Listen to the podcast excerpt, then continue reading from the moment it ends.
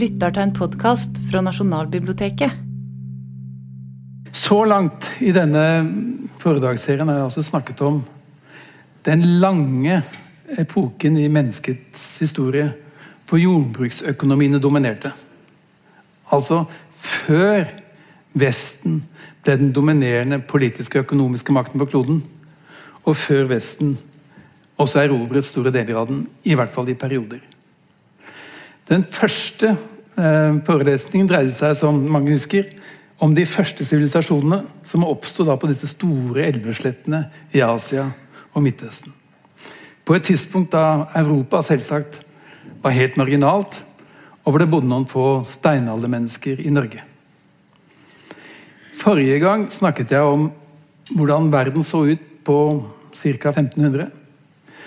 Og la vekt på å beskrive Ming-dynastiet, det strålende dynastiet som det het i Kina, og det osmanske imperiet.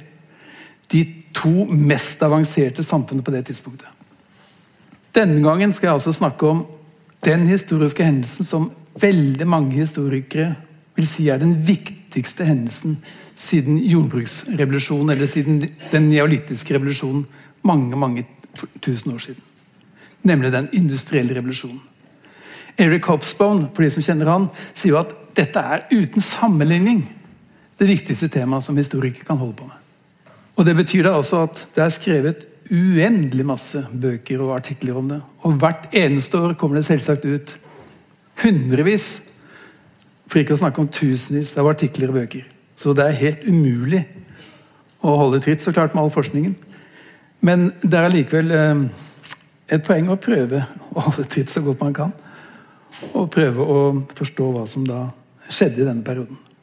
Fordi at Det som er slående, er jo at hvis noen hadde samlet de klokeste hodene i verden til et seminar i år 1500, så var det ingen av de tilstedeværende som ville ha pekt på England, denne øya etter Nordsjøen, så det landet som skulle bringe verden ut av jordbrukssivilisasjonens epoke og inn i industrialiseringens tidsalder. Altså, Det er nærmest et under. Og det er et under som jeg da skal prøve å fortolke og forklare i dag. Og Det er da også et historisk tema som det er knyttet ekstremt mye politiske ideologiske interesser til, som jeg skal komme tilbake til. Sånn at Det er også ikke bare et av de mest studerte tematikkene, men det er også et av de mest omdiskuterte tematikkene innenfor historien. naturlig nok. Men altså, det merkelige skjedde at i 1820 så var England blitt verdens mektigste land. 11 millioner mennesker. I Kina bodde det omtrent 300 på det tidspunktet. I India 125 millioner. Hva var det som gjorde at denne øya der ute, ikke så langt fra Norge, som til og med vikingene eh, har hatt en ganske stor innflytelse på Hvorfor i all verden var det denne øya som tok lederskapet? For det som er et faktum, og som alle historikere er enige om, det er at i 1820 så var England den dominerende tekstilprodusenten i verden. Og Hvorfor snakker jeg om tekstilproduksjon? Jo, fordi at det var på det tidspunktet den helt sentrale økonomien i nesten alle land. I Kina, i India, i mange europeiske land, men også da i England. Men det var britene og England som altså ble dominerende innenfor bomullsproduksjon, til tross for at det selvsagt ikke dyrket noe bomull i England. Bomullen hentet de andre steder fra. Men allikevel så var det altså i stand til å bli den dominerende produsenten av tekstiler. Og det ble den dominerende eksportør av tekstiler til hele verden i 1820. Det andre britene gjorde før noen andre, det var at de var i stand til å skape et nasjonalt marked. Alle byene i England var i 1800, bortsett fra én, Luton, knyttet til havet og til hverandre gjennom et sinnrikt system av vannveier og kanaler og elver og så videre, og så videre, som gjorde det mulig. Ifølge Adam Smith, han var jo veldig opptatt av dette allerede da, altså økonomen Adam Smith, som jo bodde i Skottland, som hadde sett betydningen av Clyde for transporten i Skottland, han sa at dette var et helt avgjørende fortrinn som Briten hadde sammenlignet med andre land. Men det var jo også sånn at dette nasjonale handelssystemet det var knyttet opp til et svært internasjonalt handelssystem som britene da på dette tidspunktet allerede dominerte, ved at de var i stand til å kontrollere de store skipsrutene på de store verdenshavene. Så i 1820 hadde britene skapt et nasjonalt marked. Og de hadde også satt seg selv i sentrum av et globalt marked for første gang i verdenshistorien. Det tredje britene gjorde, det var at de utviklet en jernindustri. Altså jern har jo mennesker holdt på med alltid. ikke sant? Jernalderen som vi vet, den, den fantes jo i Norge for flere tusen år siden. Så det nye var ikke at britene drev med jern. Men det nye var måten som britene utnyttet jernet på. De utviklet en jernindustri som var så effektiv og så moderne at det ble mulig å produsere maskiner. Det ble mulig å produsere dampmaskiner, og det er et veldig finurlig instrument som krever nøyaktighet, så klart. Og alt sammen baserte seg på i utgangspunktet en veldig effektiv jernindustri som utkonkurrerte alle andres. I tillegg så fikk det også den konsekvensen at britene var i stand til å produsere våpen av en kvalitet som ingen andre kunne.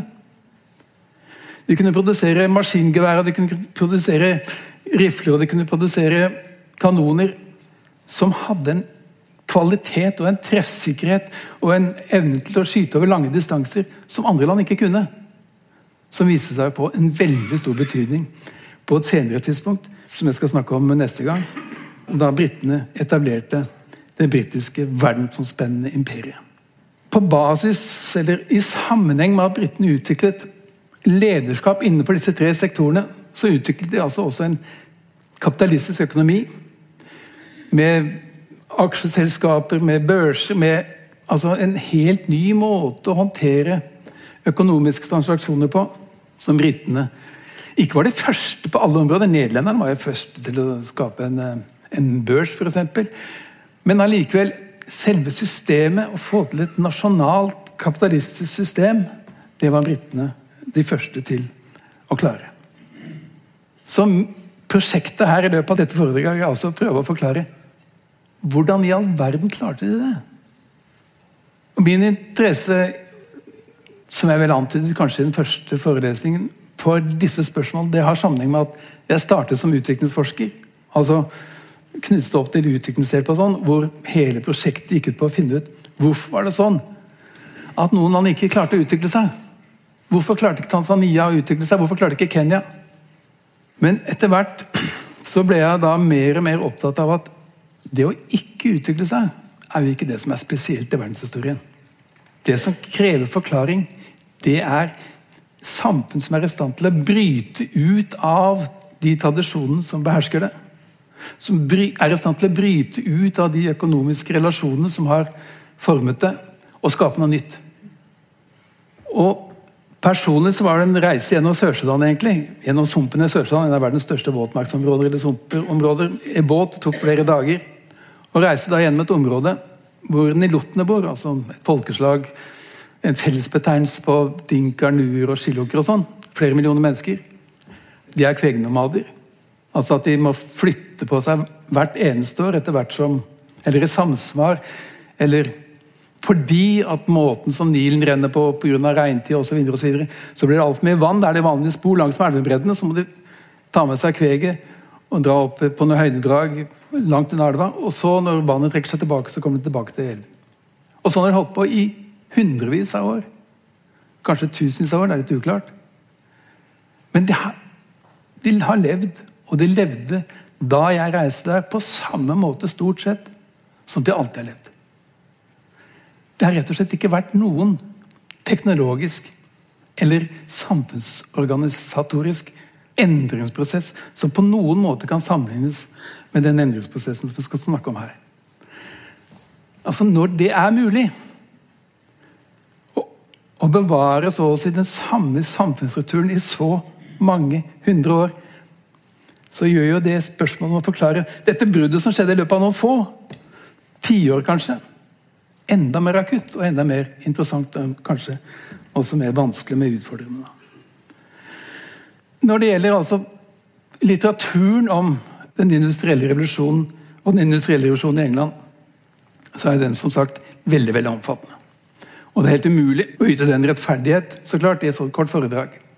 Men jeg tror det er hensiktsmessig å gruppere all denne litteraturen i to hovedbolker, i to hovedretninger. For enkelthets skyld. Alle sånne forenklinger er problematiske, så klart, men samtidig er man tvunget til å gjøre det. Og det kan være fruktbart. Og jeg tror at denne todelingen der er fruktbar. For det første så går det an å snakke om en skoleretning som jeg da kaller europeisk, eller The European Political Ideological Uniqueness School, kaller jeg det på engelsk. Altså en skoleretning som er veldig opptatt av at det som kan forklare britenes og også Europas lederskap, det er helt spesielle kulturelle, politiske verdier i Europa og i England. Og også helt spesielle institusjoner som er blitt født og båret fram så å si, av denne kulturelle, politiske tradisjonen. Det er en måte å forklare dette her på som sikkert veldig, veldig mange kjenner til, og som mange har vært borti, og som i hvert fall alle som er på skolen i Norge, vil ha hørt om. Kjente navn her er jo så klart Karl Marx og Max Weber, ja, og i nyere tid Nine Ferguson, David Lance, Pukayama. Hva er det disse teoriene har til felles? Jo, ideen er da varianter f.eks. av Max Webers teori om at det som kan forklare Vestens triumf, og dermed også britenes triumf, det var f.eks. den protestanske etikk som skapte kapitalismens ånd. Det er tittelen på hans bok fra begynnelsen av 1900-tallet. For hele ideen var at i Europa, og det, i kjølvannet av den puritanske revolusjonen, eller innenfor kristenheten, så utviklet seg en helt ny måte å tenke om det dennesidige på. Om arbeidet på, som en plikt. Askese. Man skulle jobbe, og man skulle tillate så å si å la kapitalen verpe. Altså Det å skape suksess i det dennesidige var noe som var helt greit innenfor denne nye religiøse måten å tenke på. Og Her er da argumentasjonen sånn at det var denne måten å tenke på som brøt med så å si alle de andre måtene som man har forholdt seg til verdiskapning på i andre sivilisasjoner og andre kulturer, og i Europa tidligere, som var en av årsakene til at England og Europa lyktes i å etablere et helt nytt type økonomisk system. Weber har også mange oppfatninger og beskrivelser av hinduismens eh, rolle i India, som han mener har hemmet utvikling. Han har analyser av buddhismen og til dels konfusianismens betydning i Kina, som også han mener hemmet evnen til entreprenørskap og til økonomisk utvikling, osv. osv. Og han mente da at Det som gjorde at man kunne forklare at, alle, at denne industrielle revolusjonen skjedde i Nord-Europa, ikke Sør-Europa, det var selvsagt at i Sør-Europa var det fortsatt katolikker. Så han la altså veldig stor vekt på det religiøse. Karl Marx på sin side snakket jo om klassekampen og hvordan den utviklet historien, og at det var produktivkreften som var den avgjørende faktoren osv. Men samtidig så hadde Karl Marx også veldig klare oppfatninger om hvorfor Asia ikke lyktes. Fordi at mens Karl Marx jo hadde en helt generell teori om historiens utvikling, som vi har vært inne på tidligere, fra urkommunisme til slavesamfunn til pedalsamfunn til kapitalisme til sosialisme og kommunisme, så holdt han Asia utenfor i denne modellen. Da snakket han om den asiatiske mode of production, altså den asiatiske produksjonsmåten. Og Det som kjennetegner den asiatiske produksjonsmåten, det er nettopp et system som ikke fremmer den type utvikling som Vesten representerte. Fordi at der hadde du en sterk stat, et svakt samfunn, etablert et slags orientalsk despoti. Basert på at økonomien var irrigasjonsøkonomi, altså at det krevde svære kollektive arbeider organisert av staten. Og alt dette mente Karl Marx da bidro til at fremveksten av et moderne borgerskap, fremveksten av en vanlig eller ordinære, sånn som han da tenkte innenfor sin modell, klassekamprelasjoner og produktivkreftenes utvikling, det kunne ikke få samme utløp i Asia, Kina og India som det det fikk i Europa. Fukayama, som sikkert mange nå kjenner til, eh, han har gjort flere ting. enn å skrive den berømte boka fra 1989, artikkelen fra 1989 som jeg har referert til tidligere, tror jeg, fordi det har som sagt verdenshistoriens beste tittel. The End of History og boka heter 'The End of History and the Last Man'. Men han har jo da også gitt ut en bok nå i det siste om, eh, hvor han prøver å beskrive og forklare hvorfor Vesten lyktes. Og Hans teori er at engelskmennene lyktes fordi at de var i stand til å etablere et politisk system hvor staten etter den store engelske revolusjonen på slutten av 1600-tallet, det som innenfor britisk historie kalles the Glorious Revolution, 1698 at den revolusjonen etablerte et system hvor det oppsto en slags samforstand mellom de styrende og de styrte. Og hvor de styrte fikk en legitimitet ved at de som ble styrt, så å si, ga dem støtte. Altså at det ble etablert en helt ny måte som staten og samfunnet samspilte på. Og det mener han da var en forutsetning for å skape det rammeverket som kunne etablere et nytt økonomisk system, sånn som engelskmennene da gjorde.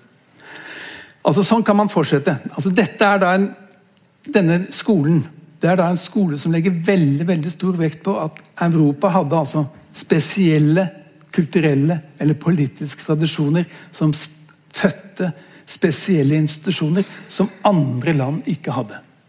Varianter av denne teorien er så klart f.eks. Eh, teorier om at Midtøsten for eksempel, ikke utviklet seg pga. islam. Altså, det er beskrevet mange bøker om det. What went wrong er det kanskje noen som kjenner til. Konklusjonen der er jo at Midtøsten, alle land i Midtøsten som er et bruttonasjonalprodukt som ikke er større enn Spania Årsaken til det, hevdes det, er islams betydning. Andre har sagt at grunnen til at India ikke utvikler seg, det er at en religion som er basert på kastesystem Dalitene, ikke sant? De, de untouchable, eh, de, danner, de er jo omtrent mellom 10 og 15% av Indias befolkning. Det er klart at Med et sånt system, mente de, som forhindrer en nødvendig mobilitet i samfunnet, det vil også forhindre framveksten av nye økonomiske former, og det gjør det mye mye vanskeligere å bryte ut av jordbrukssivilisasjonens dominans. Ikke sant? Sånn at Her finnes det altså mange ulike varianter av denne teorien. Og Det er klart at det er også en teori som går inn i en slags sånn triumfalistisk vestlig fortelling om seg selv. Fordi at dette er jo en forklaring som gir Vestens dominans full legitimitet. Fordi at Grunnen til at Vesten lyktes i henhold til denne fortellingen, var jo nettopp at Vesten besatt egenskaper, og positive egenskaper, som de andre ikke hadde. Det er den ene teorien. Jeg skal komme tilbake til de senere mer konkret. Den andre skoleretningen det er den skoleretningen som sier at nei, det var egentlig ikke sånn at europeerne hadde noen fordeler. Eller hadde noen fortrinn ideologisk, kulturelt, politisk eller institusjonelt. Egentlig så var situasjonen ganske lik helt fram til 1700-tallet, mener mange innenfor denne retningen. Men årsaken til at nettopp England lyktes, og Vest-Europa, det var at de var i stand til å etablere et ulikverdig internasjonalt handelssystem. Kjennetegnet av bl.a. slaveri, imperialisme, kolonialisme osv. Altså og at den vestlige evnen til å bryte ut av jordbrukssivilisasjonens eh, rammer, og særlig britenes evne og forutsetning for å kunne ta lederskap i denne revolusjonen, det var at britene, mer enn noen andre, var griske og grådige. Og tjente penger på å utnytte India. Ødela India. De kasta inderne foran bussen som de sa kjørte over dem. Eh, de tilrant seg Indias verdier. Slavehandelen fra Vest-Afrikakysten til bomullsplantasjene i den nye verden, Amerika. Profitten derfra var det som startet så å si av kapitalakkumulasjon. Og derfor er det ikke sånn at Vesten kan slå seg på brystet og forklare sin suksess med sine politiske, ideologiske overlegne verdier. Nei, tvert imot. Det som kan forklares Vestens suksess, er Vestens og britenes grådighet.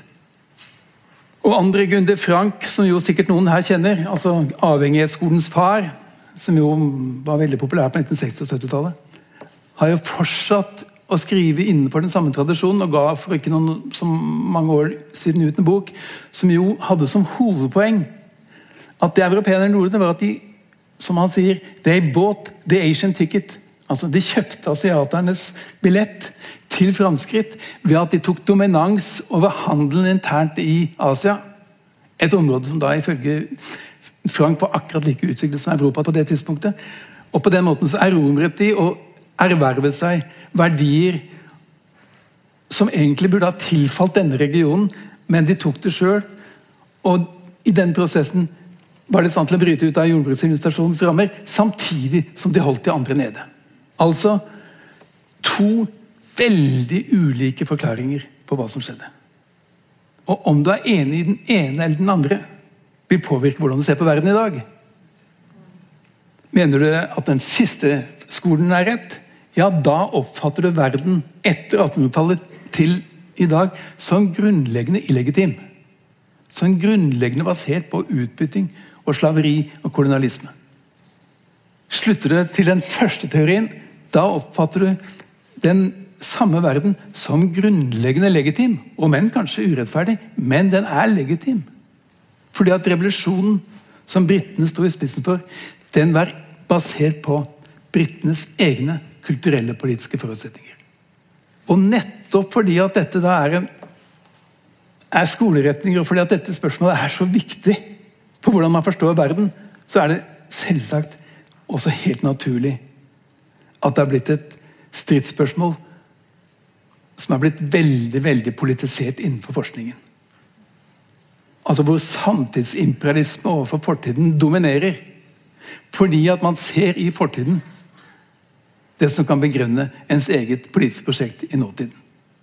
Utfordringen da for en historiker som for all del prøver å unnslippe denne samtidsimperialismen overfor fortiden, det må jo da være å etablere en måte å analysere dette på som gjør det mulig å unngå og omgå denne politiseringen. Og ta utgangspunkt i ting som, og forhold som de aller, aller fleste historikere er enige om. Og det er det jeg nå skal gjøre. For det første så må man da bestemme seg for hva skal man sammenligne. Ikke sant? Fordi det er jo ikke uten betydning om man sammenligner Englands utvikling bare med Kinas utvikling, Englands utvikling, med Norges utvikling f.eks. Altså for hva man ser. Så mitt forslag det jeg holder på med, det er å prøve altså å sammenligne Kina, Japan, India, det osmanske imperiet, inkludert Egypt, som jo var en del av det osmanske imperiet, Spania, Italia, Tyskland, Russland, Frankrike, Nederland og England. Og hvorfor så mange? Det er litt tåpelig, kan man si, men eh, det blir i hvert fall mye arbeid ut av det. Det tar lang tid. Mm. Og for meg har det tatt da litt for lang tid, vil jeg si. Men eh, sånn er det nå.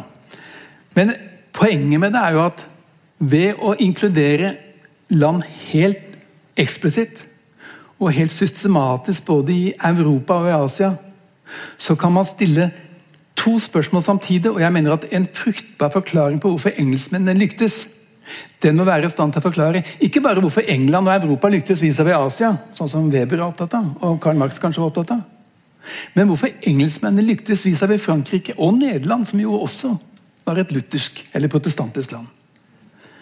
Altså, Man må samle dem ikke bare med det ikke-europeiske verden, men man også sammenlignet England med andre europeiske land, som jo veldig mange vil si lå mye bedre an til å stå i spissen for en sånn revolusjon. Altså, Hvorfor skulle ikke Frankrike gjøre det, som jo var den aller vektigste landet i Europa i hundrevis av år? Eller hvorfor skulle ikke Spania gjøre det, som sto i spissen for å rane til seg alt det sølv og gullet fra Sør-Amerika?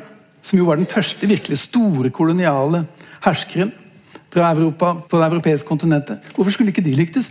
Og hvorfor i all verden lyktes ikke Nederland, i og med at de var først ute? På 1600-tallet hadde jo Nederland den mest moderne økonomien, og ikke England.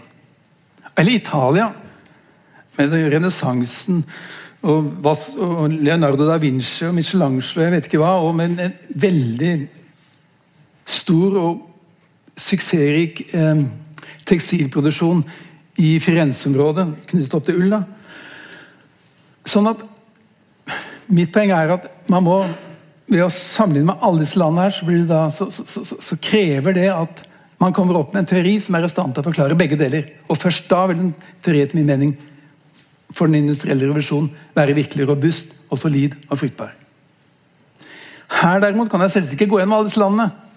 Her må jeg konsentrere meg om tre. Og det er de landene som jeg allerede har snakket om. Kina. Jeg har snakket om Ming-dynastiet og India. Jeg har snakket om Indus-sivilisasjonen og om England. Og For vårt formål her så tror jeg det er tilstrekkelig. Men hva skal sammenlignes? Det er også veldig viktig, fordi at her snakker vi om hva som skjedde i perioden mellom 1500 og 1820. Datatilgangen er veldig uklar. Veldig dårlig med solide empiriske data så klart, om økonomisk aktivitet. Og Det betyr også at det er fritt fram så å si, for å komme med alle mulige slags teorier. for Det er veldig veldig vanskelig å falsifisere det eller begrunne det, fordi at man har ikke god nok sammenlignbare data. Så mitt forslag er at man må, ikke, man må, se, annet, man må se, en annen vei, rett og slett. Og Jeg foreslår da å sammenligne følgende tre områder. For det første Det alle historikere er enige om er helt sentralt, nemlig fremveksten av den moderne fabrikken. Altså tekstilindustriens organisering i England. Det var britene som etablerte en industriell virksomhet som organiserte arbeidet på en helt ny måte.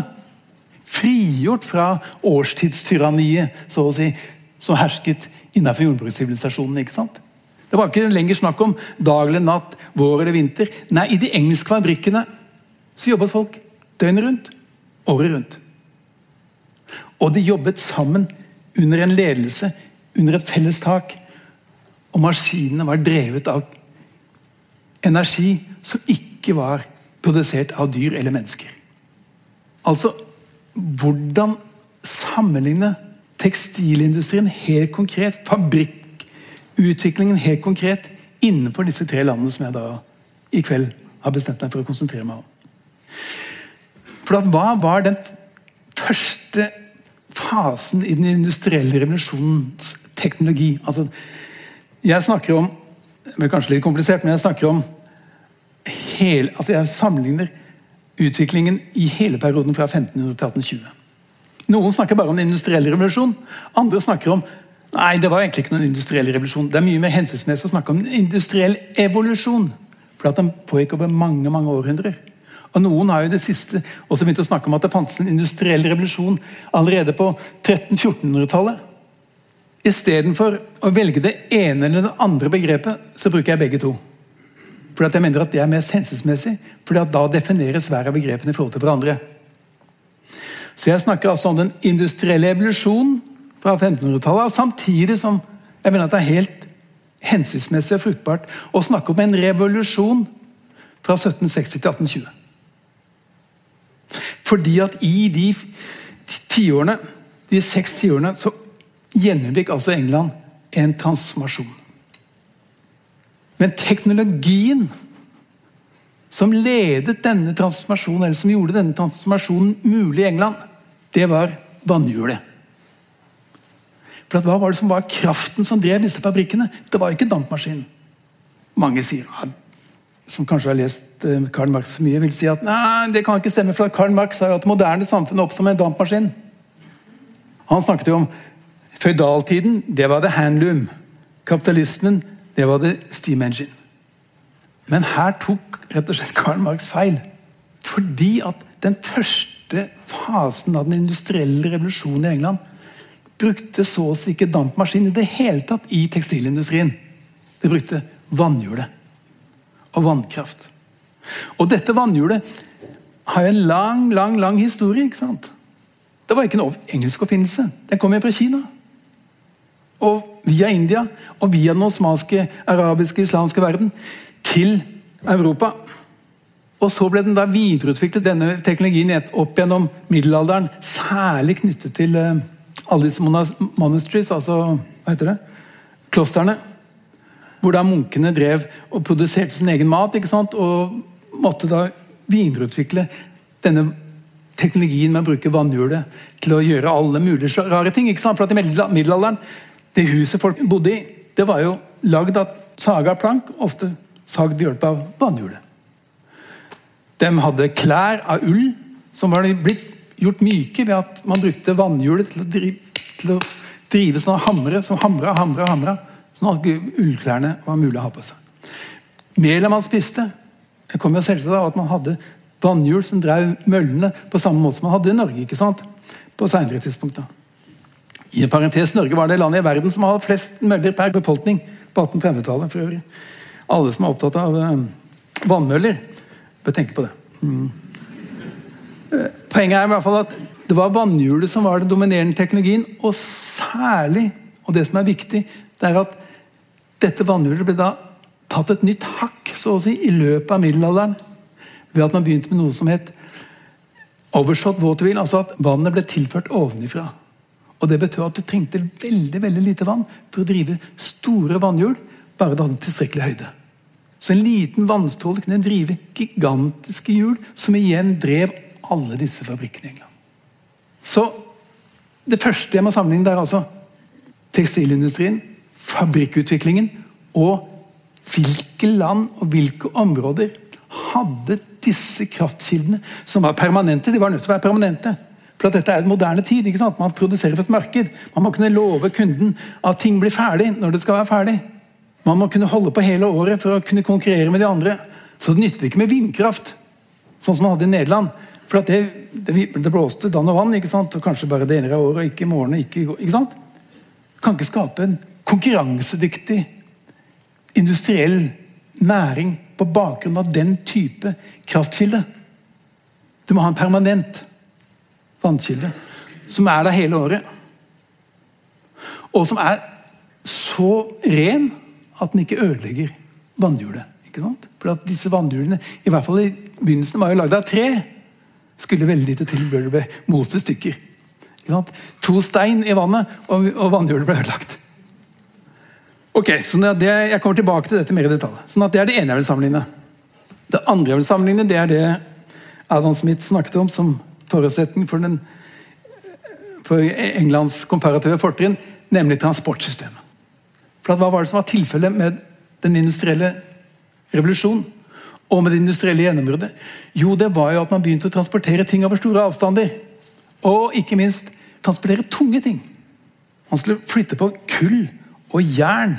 Man skulle flytte bomull fra India til England og tekstiler fra England til Afrika. Altså, det stilte helt nye krav til transport enn det som var tilfellet under jordbrukssivilisasjonens epoke. Ikke minst måtte du ha transport som kunne virke hele året. Og som kunne knytte sammen de områdene hvor du fant råvarene, til der du kunne gjøre noe med dem, og til der du kunne selge dem. Markedet er jo en abstrakt sak, men det fungerer jo ikke hvis ikke du klarer å flytte jernet fra A til B. Eller varen fra C til D. Det er utrolig konkret. Det spørsmålet jeg stiller, deg, jeg prøver å sammenligne hvordan var forutsetningene for å etablere et nasjonalt og et globalt transportsystem i de ulike landene. Og På dette tidspunktet så var altså transportsystemet stort sett så klart vannveier. Dette var jo fordi at å kjøre rundt med diligenser og, eller med hest og kjerre med vogna full av jern i England funker dårlig.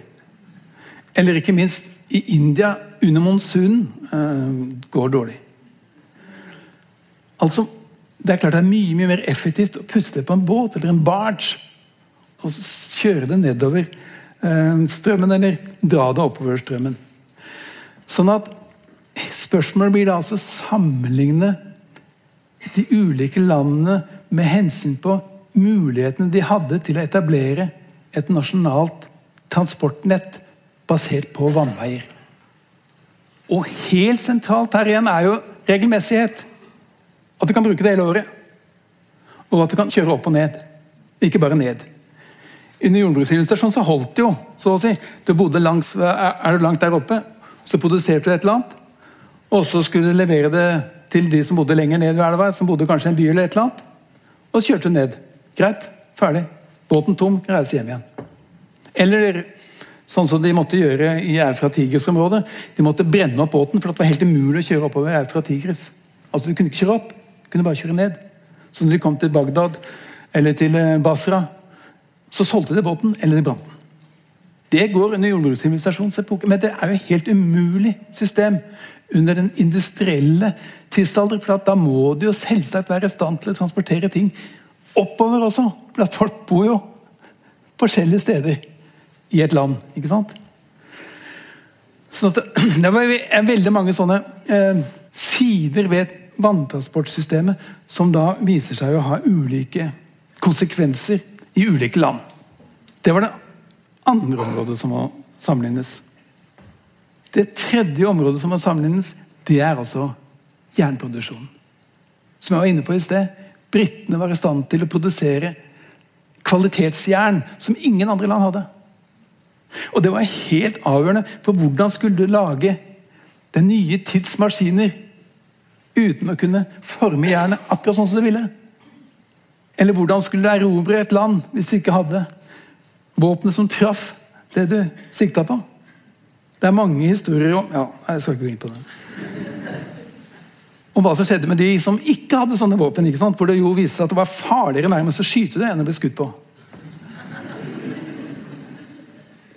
Det krever teknologi.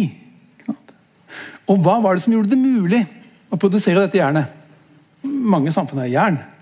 Det er derfor det heter jernalderen. Det er ikke så nytt, som jeg sa. Men det britene var i stand til, det var at de klarte å etablere svære ovner som hadde tilstrekkelig varme til at jernet blei mulig å forme sånn som du ville. Det er det som er det store spørsmålet. ikke sant? Hvordan skaffe varme? Det skjønner alle. Så kan prøve å forme jern som ikke er varmt. Eh, det er dumt å prøve, men altså, det er klart at jo, mer, jo varmere du får det, og jo varmere du får det over lengre tidsrom, i større og større ovner, jo større komparative fortrinn har det i forhold til alle dine konkurrenter. Men hva var det som skapte denne varmen? Det var jo ikke da folk sto og blåste. Det gjorde man jo i tidligere tider. ikke sant? Eller at et dyr gikk rundt og satte i gang en blåsebelg. Nei. Det mest effektive igjen var jo selvsagt at du hadde en kilde som drev et vannhjul, som igjen drev disse arrangementene som førte til at du kunne skaffe disse masålene tilstrekkelig oksygen, sånn at det virkelig brant der inne, sånn at det ble ordentlig varmt, sånn at du etterpå kunne begynne å forme jernet. Så alle jernverkene i England, som jo ble større og større, de ble varmet opp av vannkraft, av vannhjulet, samtidig som de da selvsagt fyrte med kull. Og tre og andre ting. Men igjen blir det da også viktig å finne ut hvordan stiller disse ulike landene som man skal sammenligne seg, i forhold til mulighetene for å etablere den type industri som altså var helt avgjørende for at engelskmennene skulle få sin dominans. Disse tre tingene skal jeg prøve å sammenligne i disse tre landene. Jeg skal da altså først begynne med Kina. Og igjen dette er da, Vi husker Ming-dynastiet. Varte til 1644. Den siste Ming-keiseren han hang seg selv utenfor den forbudte by da han skjønte at uh, time, time, is out. Og så ble Kina overtatt av mansjurene som kom fra nord. Så det ble en ny ikke-han-gruppering som styrte Kina. Og som etablerte Qing-dynastiet, som varte fra 1644 til 1912. Altså det siste kinesiske keiserdynastiet. Dette dynastiet utvidet jo Kinas grenser voldsomt. Tibet ble lagt til Kina. Taiwan ble lagt til Kina. Xinjiang ble lagt til Kina. Kina ble 35 ganger så stort som England i løpet av denne perioden. Samtidig så var Qing-dynastiet et dynasti som på samme måte som Ming-dynastiet var relativt orientert mot økonomisk vekst, eller økonomisk altså forbedring av jordbruket, de holdt Keiserkanalen i orden osv. Sånn at den økonomiske utviklingen av Kina viser det seg var langt bedre enn veldig mye forskning til nå har hevdet. Altså På det tidspunktet da Marx og Hegel og den første historikeren for øvrig, Ranke, liksom den moderne historieforskningens far Alle de sa jo at i Kina er det helt stille. Ikke noe skjer. Stand still. Da er det liksom øh, den asiatiske produksjonsmåten som hersker, som betyr at ikke noe skjer. Nyere historisk forskning har vist at det bildet er feil. Det var kjempesvære fabrikker i Kina med titusener av arbeidere under ett tak. Men manuelt arbeid. Så det var en veldig solid produsent av tekstiler og bomullsproduksjon, men altså i alt overveiende grad basert på manuelt arbeid. Tusenvis av folk under samme tak men uten at man fikk tilført eksterne kraftkilder, sånn som England. Men altså, det var et land som øh, på veldig mange måter i denne perioden var økonomisk sett veldig sterkt, men allikevel det lyktes ikke med å gjennomføre noen industriell revolusjon. Tvert imot, de fortsatte innenfor de rammene som jordbrukssivilisasjonen og jordbruksøkonomien hadde etablert. Så hvordan skal man forklare det? Noen kan si det kom kanskje av konfesjonismen. Andre vil si kanskje det kom av buddhismen. Noen igjen vil si at da, dette har med den sterke kinesiske staten å gjøre, som kvelte alt individuelt eh, initiativ osv. Men her har også forskningen i det siste kommet fram med nye data som viser at det fantes ganske utbredt entreprenørskap også i Kina.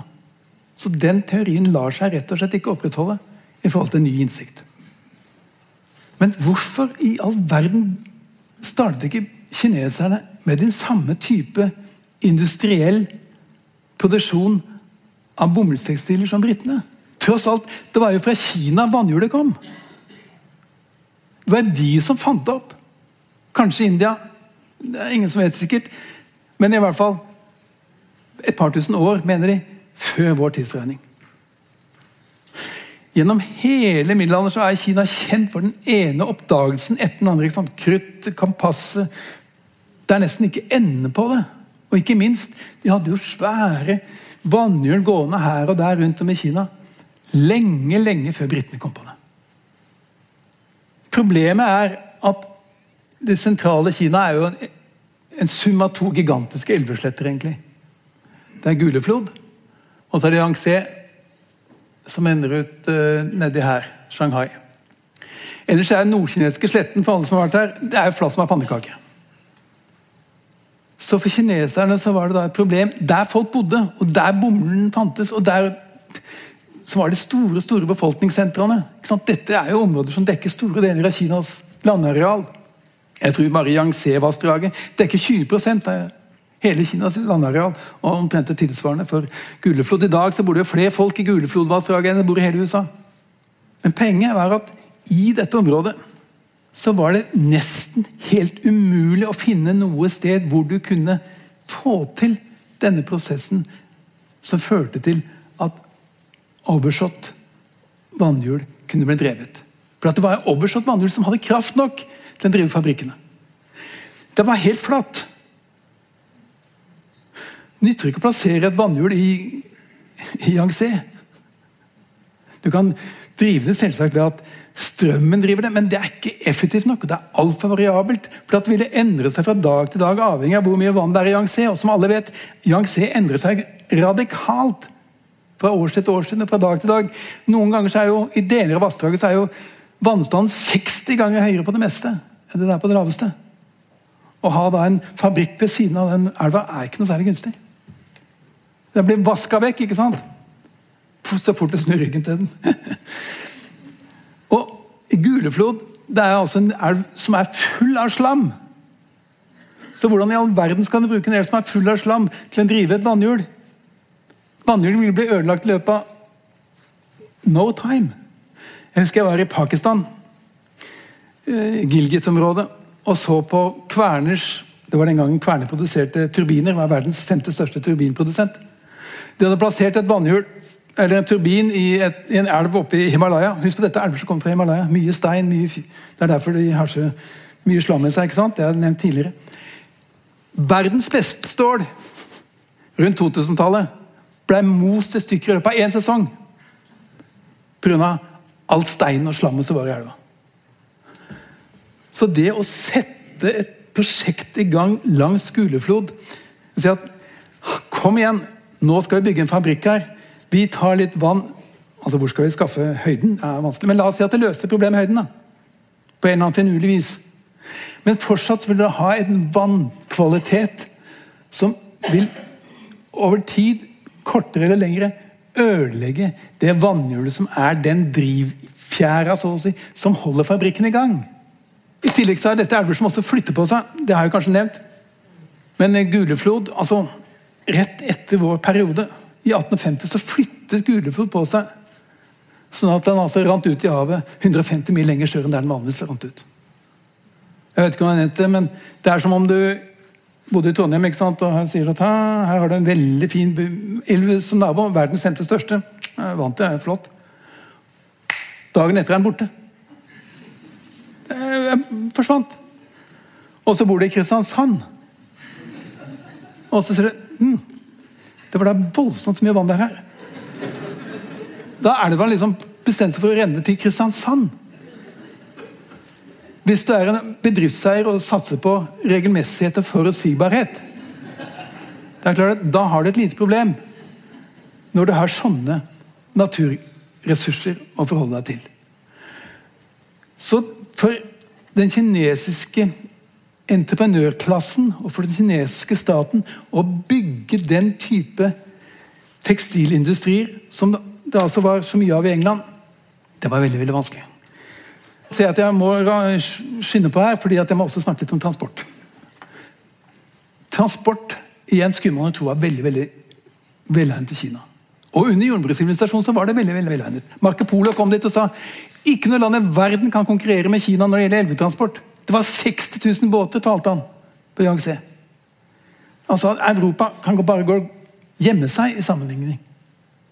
Og Brodel, denne franske historikeren, sier også at når det gjelder transport, så hadde Kina en fordel vis-à-vis Europa og i forhold til England. Problemet var bare det at igjen, disse elvene går i én retning, som dere ser. Stort sett. De er veldig voldelige. Altså veldig variable. Jeg hadde tenkt å lese for eksempel, en veldig vakker historie om da folk skulle prøve å krysse Guleflod uten jern i båten, uten kull på dekk. Da blir det mye mye vanskeligere med en gang. Men det var bare passasjerer. Helt vanlig så måtte man ofre til vannguden og til vannånden for det hele tatt å tørre å sette utpå. For det var utrolig usikkert hvorvidt man nådde andre bredden. Det er svær elv. Sterk strøm. Å komme kjørende der med et tonn med kull, eller hva det er, det er selvsagt en sikre død. I mange tilfeller. Du kunne ikke gjøre det. Og du kunne langt mindre reise oppover. Det var liksom, disse enorme mengdene med kinesiske kuler. De prøvde å dra båten oppover, men det var utrolig tungt og utrolig vanskelig. Og veldig lite effektivt. For Yangtze er jo, en, det er jo et hav, nærmest, langt nede. Og oppover så er det veldig smalt og veldig kraftig vannføring. Veldig veldig vanskelig å dra oppover. Og Guleflod er det umulig å dra oppover. Derfor bygde de Keiserkanalen, som jeg snakket om forrige gang. Et fantastisk prosjekt. Fra Shanghai opp til Beijing, så å si. Eller fra Nanjing opp til Beijing. Skulle løse hele problemet.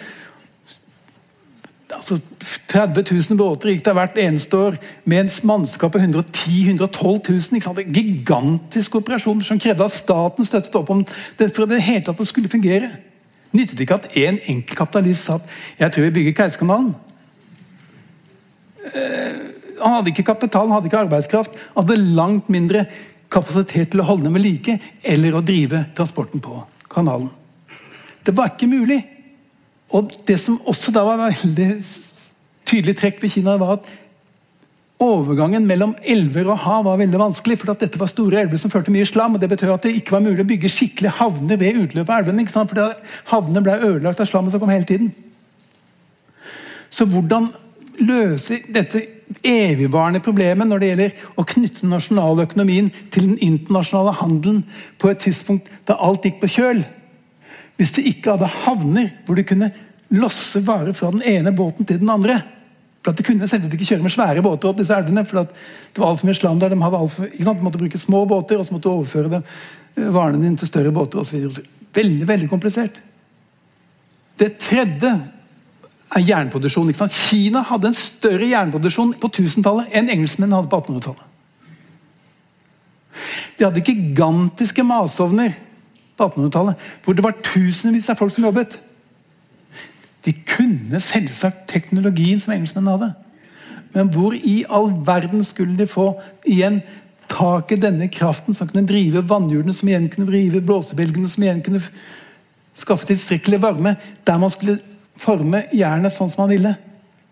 Uansett om Weber hadde kommet med sine protestantiske entreprenørhelter. Det hadde ikke hjulpet. Uansett om Fokayama hadde kommet med sin kontrakt mellom samfunn og stat. Det hadde ikke hjulpet. Fordi at her fantes de naturmessige forutsetningene, altså denne linken mellom samfunn og, og natur, eller mellom vann og samfunn, ikke som gjorde det mulig på dette tidspunktet. Alt endret seg da dampmaskinen kom, men på dette tidspunktet og alt endret seg da det var mulig å omgjøre vannkraft til elektrisk kraft, og man fikk atomkraft osv.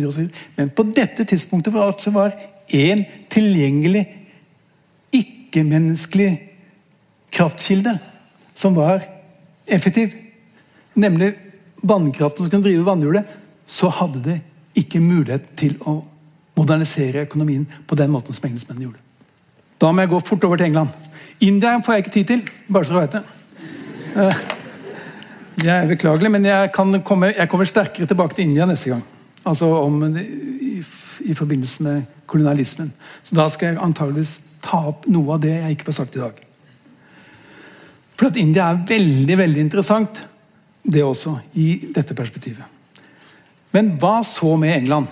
Hvorfor lyktes de? Hva var det som var så spesielt ved England? Jo, selvsagt hadde de politiske institusjoner som gjorde det mulig å utnytte mulighetene. Selvsagt hadde de frihet til å etablere entreprenørskap som gjorde det mulig å utnytte disse mulighetene. Mitt poeng er ikke å på noen måte avvise teorien om at europeiske eller britiske kulturelle og politiske ideer var uten betydning.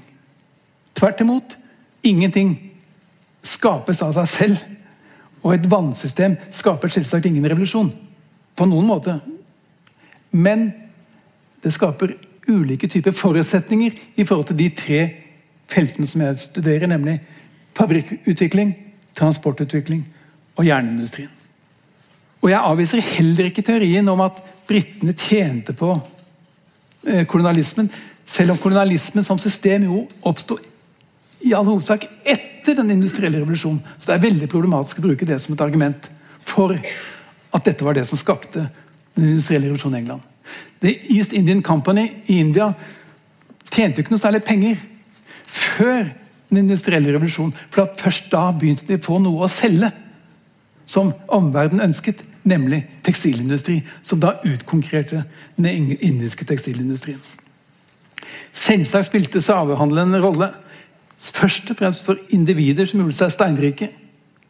Men slavehandelen var av en såpass begrenset karakter og hadde relativt liten betydning i de sektorene av, engelske av det engelske samfunnet som sto bak investeringene som førte til den industrielle revolusjonen.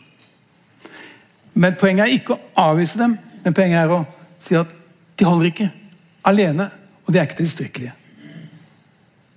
Og Her må man da skille mellom årsaker og forutsetninger og tilstrekkelige forutsetninger og nødvendige forutsetninger i analyser av sånne store historiske prosesser som dette er snakk om. Så hva da med England? Vel, Poenget er at den engelske industrielle revolusjonen var en regional industriell revolusjon. Det skjedde bare i deler av landet. I Fenn eller Cambridge er det altfor flatt. Det er akkurat som på deler av Kina. Kan ikke sette et vannhjul i produksjon i Fenn-området eller i Cambridge-området. Her og der, kanskje, hvis du er heldig. Deler av året. Men uttrykk, Nei, du må til den vestlige delen av England. Det var her industrien oppsto.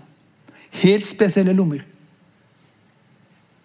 Og det var der hvor man rett og slett hadde tilgang til tilstrekkelig kraft. For at hvor og når var det den første fabrikken oppsto? Jo, den første fabrikken i verden oppsto i 1771.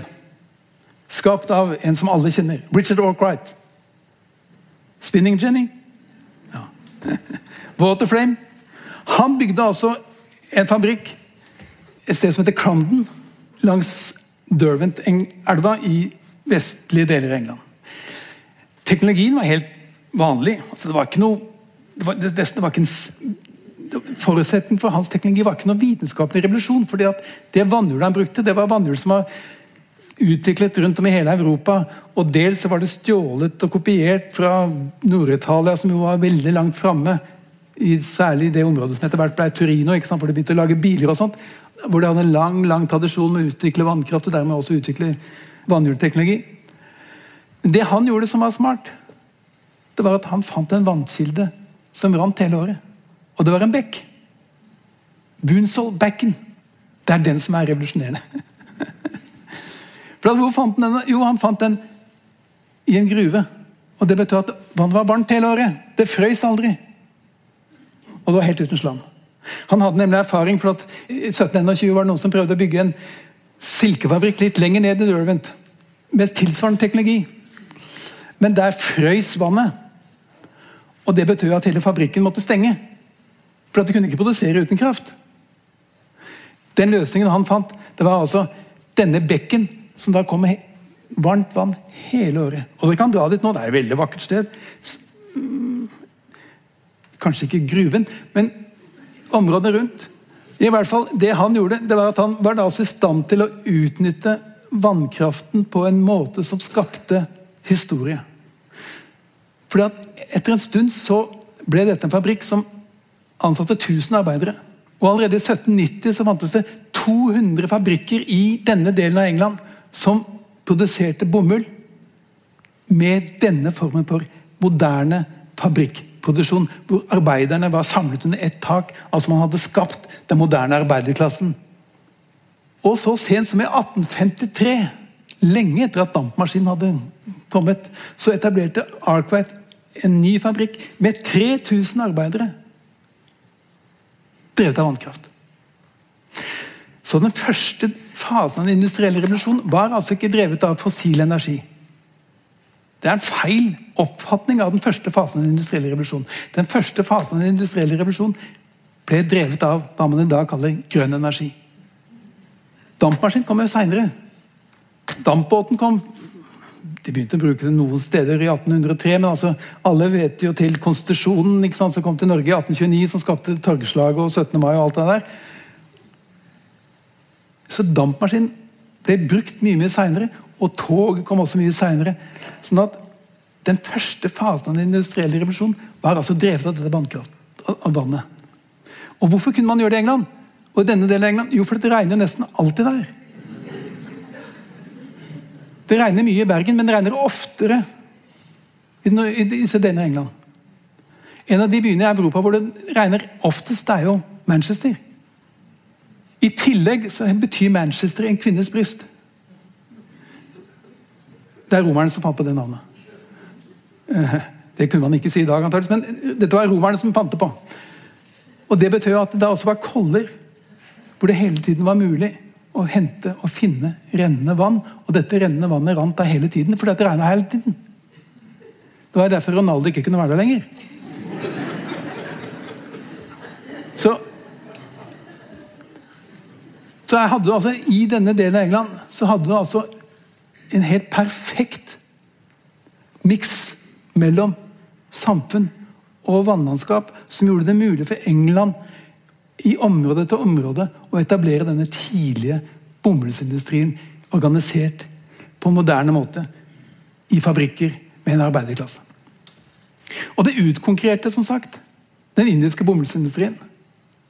I 1820 så var England blitt den store produsenten og eksportøren av bomull. Ikke pga. damp, men pga. vannkraft. Hva så med transport? Igjen, engelskmennene var utrolig heldige. ikke sant? Fordi som jeg sa, I 1800 var alle byene i England knyttet til havet, bortsett fra Luton. De hadde et vannsystem, et elvesystem, naturlig elvesystem som gikk på kryss og tvers av veldig korte avstander mellom de forskjellige elvene. Og i tillegg så bygde de kanaler. Den første kanalen ble bygd i 1761 av en fyr som het Duke of Bridgewater. Det vil si det var han som finansierte den. Han har nemlig vært på dannelsesreise i Italia og har sett på denne kanalen som går fra Middelhavet til Atlanterhavet. Kanal de Medi, som binder sammen de to havene. ikke sant? Gigantisk kanal. og Så reiste han hjem og sa at dette må jo ikke gjøre i England nå. Og så bygde han en bitte liten kanal. 60 km flatt. Veldig enkelt å lage. Betalte det sjøl. Det førte til at prisen på kull i Manchester sank med to tredjedeler. Teknologien bak dette var jo ingenting i forhold til hva kineserne holdt på med i forbindelse med Keiserkanalen. Altså, det, Kineserne var på et annet plan. Så den, den var på 1800 km. Over høydepunkt på over 40 meter. Mens det han hertugen gjorde, og fikk noen til å gjøre for seg. da. Det var jo bare å grave en liten grøft. Og så sendte de kullet på disse prammene ned til Manchester. Og så var det bare å dra dem opp med noen hester. Det var nok med én eller to. Alle har jo sett sånne towpath ved siden av de engelske kanalene. Og det var det. Og dette skapte da kanalmaniaen i England. For, altså, det var rundt kanalbyggingen som det moderne aksjeselskapet oppsto.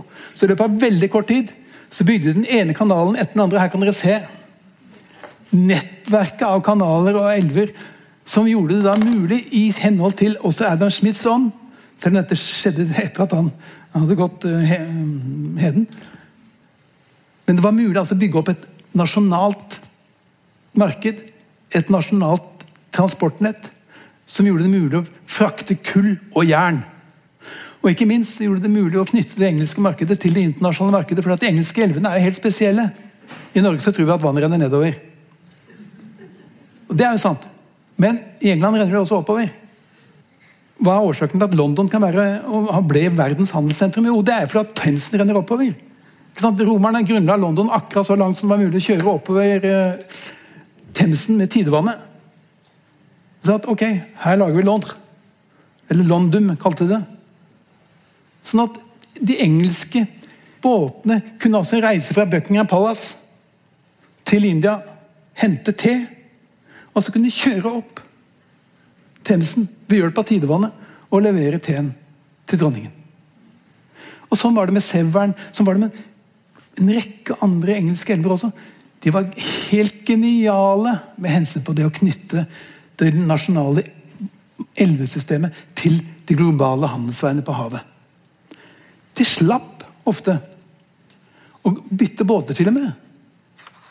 Fordi at f.eks. Themsen er så stor og dyp og vid at du kunne bruke den samme båten på Themsen som du kunne på havet. Utenkelig i de aller, aller fleste andre land i verden. Ok. Lang historie kort. Eller var kort historie lang? Nei, lang historie kort.